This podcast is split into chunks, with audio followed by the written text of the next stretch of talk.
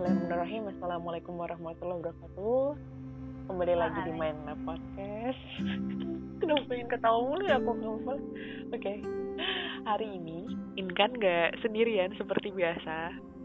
Karena udah gak jomblo lagi ya aku ya. Oke.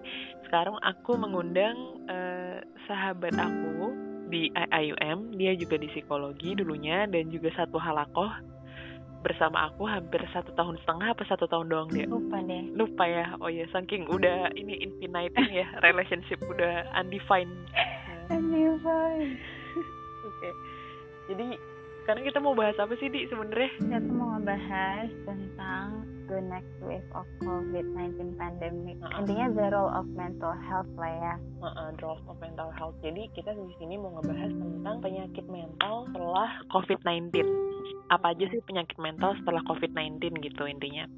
Nah hmm. kebetulan kenapa kita pengen banget ngebahas ini karena kemarin seminarnya ini langsung dipandu uh, oleh ini ya siapa uh, dok Profesor Malik Badri. Nah, Malik Badri ya. Uh, Terus nanti ada yang nanya, Profesor Malik Badri siapa sih kak? Nah, itu siapa di? Kamu tahu nggak siapa? Jadi Profesor Malik Badri itu adalah the founder of modern Islamic psychology. Uh, uh, dan gitu. beliau cukup famous lah ya di kalangan Islam uh, Islamic psychology ya. Dan ternyata, sekarang sekarang di Turki. Karena dia tuh founder founder of Islamic eh founder of modern Islamic psychology ya kira dia tuh father eh beliau tuh father of Islamic psychology loh mm-hmm. makanya pokoknya the foundernya lah bukan mm-hmm. bisa ngegantiin fruit kali ya sebenarnya oke okay.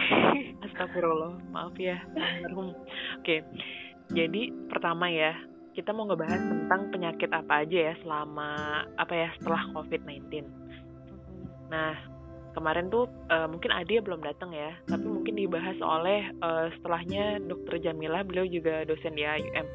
Jadi yang pertama itu katanya uh, kebanyakan adalah uh, para ini ya masyarakat kita nanti akan uh, meningkat ininya obsessive compulsive disordernya. Kira-kira tahu nggak di contohnya apa nih kalau misalnya orang-orang uh, yang terjangkit OCD? Jadi uh, selama pandemik ini kita kan dianjurkan buat kayak cuci tangan gitu kan sampai sampai ada yang kering-kering gitu.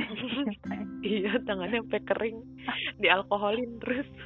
Jadi karena kebiasaan cuci tangan itu uh, timbullah kayak apa ya kayak parno parno kotor gitu jadi megang sedikit pun langsung cuci tangan misalnya mm. uh, sampai kayak eh gue udah cuci tangan belum ya gitu sampai kayak mm. takutan lah intinya kayak gitu nah ternyata lama kelamaan itu akan jadi kayak OCD ini timbul OCD ini obsesif obsesif compulsive disorder. Mm -hmm. Jadi kayak gangguan sejenis gangguan mental yang memiliki obsesi eh, obsesi yang tidak terkendali gitu jadi tidak uh, sengaja. Uh, uh, jadi uh, dia otomat automatically ya jadi kayak misalnya gini lah contohnya gini kita nggak bisa keluar rumah kalau misalnya ngerasa cuci tangan kita belum betul ataupun kita nggak bisa apa pergi keluar rumah kalau kita belum pakai masker gitu. Mending nggak usah keluar rumah kalau nggak pakai masker intinya tuh gitu.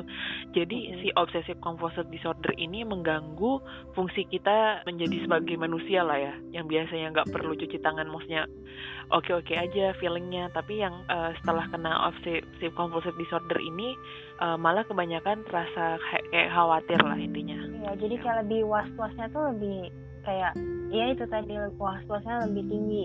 Soalnya dia nggak ganggu thought juga kan mengganggu pikiran dan akhirnya melakukan behavior yang tidak bisa dikendalikan tadi kayak terus-terusan gitu. Nah terus selain dari OCD kamu tahu nggak di apa lagi? Social phobia ibu sosial phobia bener.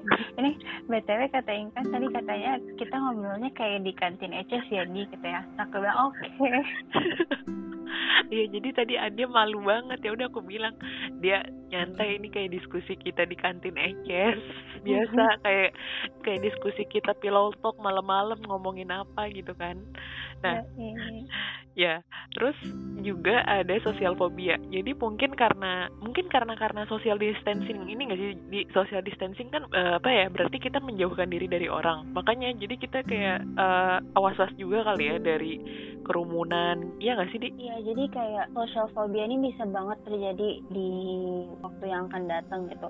Kenapa? Karena orang karena terbiasa social distancing ini dan kayak uh, sering dibilang satu meter kalau nggak ntar ter, apa bakal nular gitu kan hmm. jadi orang jadi kayak takut gitu ketemu orang apa namanya orang yang deket-deket terus kayak eh eh eh, eh jauh dong jauh dong gitu misalnya kayak hmm. jadi takut terus karena takut ketularan gitu hmm. jadi takut untuk interact juga hmm jadi si sosial fobia ini juga intinya mengganggu fungsi kita lah. Ya kan sekarang kan sebenarnya banyak banget hal-hal yang harus kita lakukan untuk apa ya ngejalanin sesuatu hal harus berinteraksi dulu.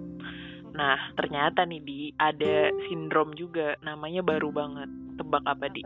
Abis sosial fobia corona fobia oh iya. Uh -uh. jadi katanya kalau misalnya kan orang banyak yang takut ya kita lihat sendiri kan di TV-TV banyak yang panic buying, ada yang uh, masyarakat oh, iya. Indonesia sampai yang apa di kalau misalnya ini jenazahnya itu sampai ditolak ya di beberapa tempat kan.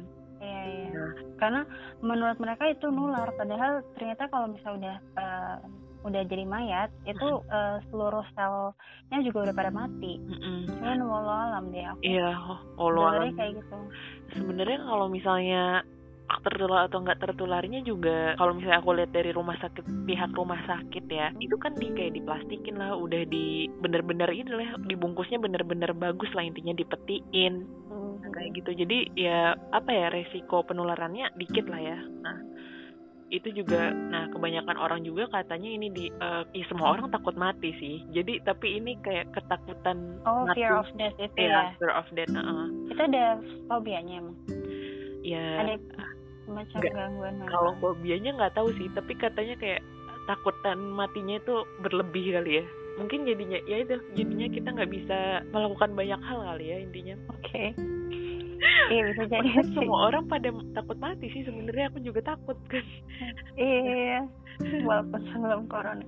Tapi sebenarnya yang dimaksud fear of death ini orang jadi karena fear of death mm-hmm. uh, ini mm-hmm. berlanjut ke anxiety disorder kun oh jadi ini nggak apa ya nggak sebatas of death ya jadi ini ngaruh mm-hmm. ke anxiety disorder juga mm-hmm. jadi uh. kalau fear of death kayaknya dari zaman dari kita lahir ya iyalah jadi uh, jadi mengarah ke anxiety disorder. Oke, mungkin teman-teman belum tahu, aku belum pernah bahas anxiety disorder.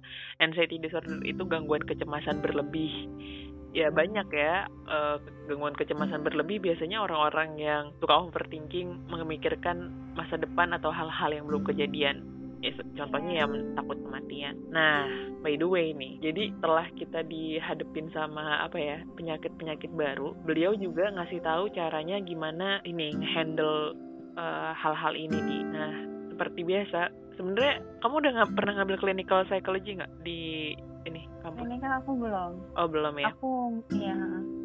Kamu ini ya nggak takut ketemu ketemu takut merasa ini ya mendiagnosa diri sendiri jadi aku bisa ngambil clinical apa gimana? Tapi aku ngambil abnormal psychology sih.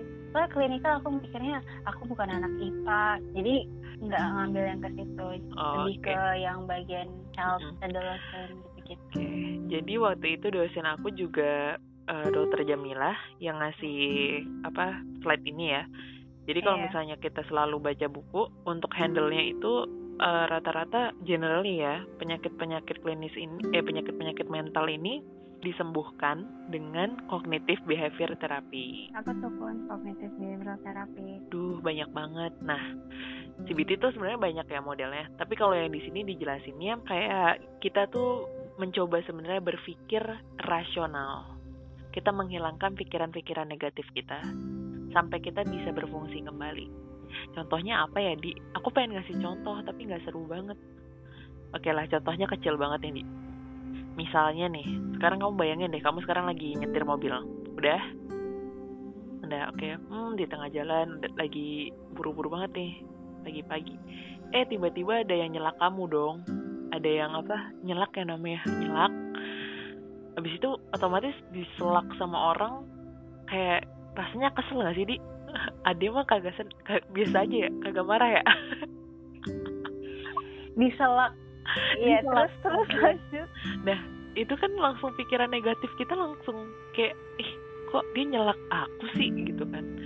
Nah karena kamu nggak tahu alasannya apa Padahal banyak kemungkinan, kemungkinannya banyak. Mungkin dia lagi buru-buru di dalam mobil ada apa orang lagi apa namanya pengen melahirkan makanya dia buru-buru atau mungkin dia emang mungkin dia kebelet pun nah dia mungkin dia kebelet daripada di Iya. mobil Uh-uh, mak- makanya Eh, dia harus jadi buru-buru. kan. nah bisa jadi nah jadi intinya apa dari tadi yang aku omongin dari CBT ini orang-orang yang berpikiran negatif itu sukanya jumping conclusion tanpa mempertimbangkan faktor-faktor yang lain kayak gitu dia berpikiran negatif. Nah, di CBT ini mencoba untuk ngerapiin, Mengintervensikan. mm, mengintervensikan pikiran-pikiran negatif itu. Dan oke, selain CBT ini, eh, beliau juga ngasih saran lain sih. Katanya bisa pakai relaxation teknik gitu ya? Iya nggak sih? Hmm. dia ada relaxation technique jadi kan eh, yang di zaman Rasulullah aja dia bilang nih kok jadi kayak ceramah ya maaf ya tapi Tapi itu yang bikin tuh- aku bangga jadi muslim sih. By the way, Iya, maaf ya Allah. buat buat buat apa pendengar aku yang bukan muslim tapi ini ngejelasin sedikit yakin tentang iya uh, uh, tentang Aku apa, yakin apa yang ada agama kita. Ada eh, itunya sendiri kan Mm-mm. tapi kita bahas yang di di agama Islam jadi Rasulullah mencontohkan itu katanya eh, kalau kita lagi marah Mm-mm. duduklah Mm-mm. nanti kalau kita kalau marah itu nggak pergi juga Mm-mm. baring gitu disuruh baring artinya apa untuk relaxing our muscle gitu. Mm. jadi ternyata kalau pas kita lagi banyak pikiran terus lagi marah lagi stres kayak gitu tuh eh muscle-muscle di badan kita tuh kayak tense gitu loh kan kayak kayak kayak ken- kenceng banget gitu jadi Mm. disuruh ber- rebahan disuruh ini tuh rebahan tuh relaxing gitu.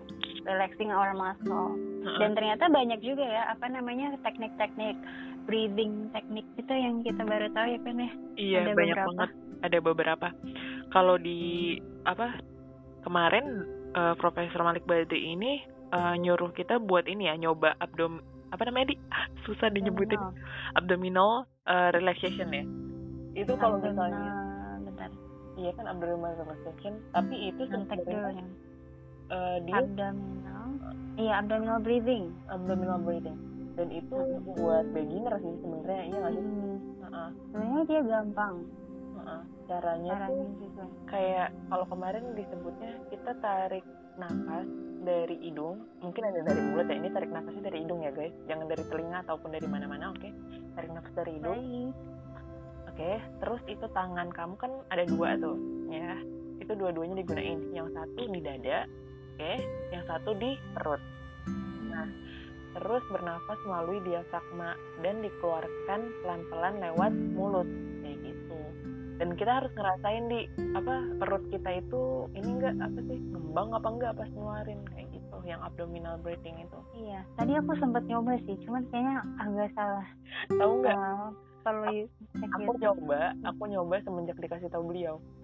Ngaruh? Ya kayaknya pikiran aku nggak ngaruh sih. Kan sebenarnya kalau misalnya kalau lagi relaxation gini di aku keinget kelasnya dokter Jamilah ini dokter yang ngasih slide ini kita itu harus memikirkan apa yang apa ya feel the moment thinking Hmm. about right now ignore the past and the future tapi itu kadang nggak bisa pikiran namanya pikiran kan kadang ke mana-mana ya jadi ya udah tadi kayaknya banyak yang nggak berhasilnya sih intinya harus rajin-rajin ini nggak sih di kita relaxation kayak gitu ya berarti Iya, menurut aku ini em, cara termurah termurah untuk menghilangkan stres sih. Karena yang tadi dianjurkan itu juga ternyata ada hubungannya ya Mm-mm. dengan relaxation. Relaxation Dan ada ada ada tambahannya loh pun Mm-mm. The Miracle of Imagination. Kamu nangkep nggak kemarin?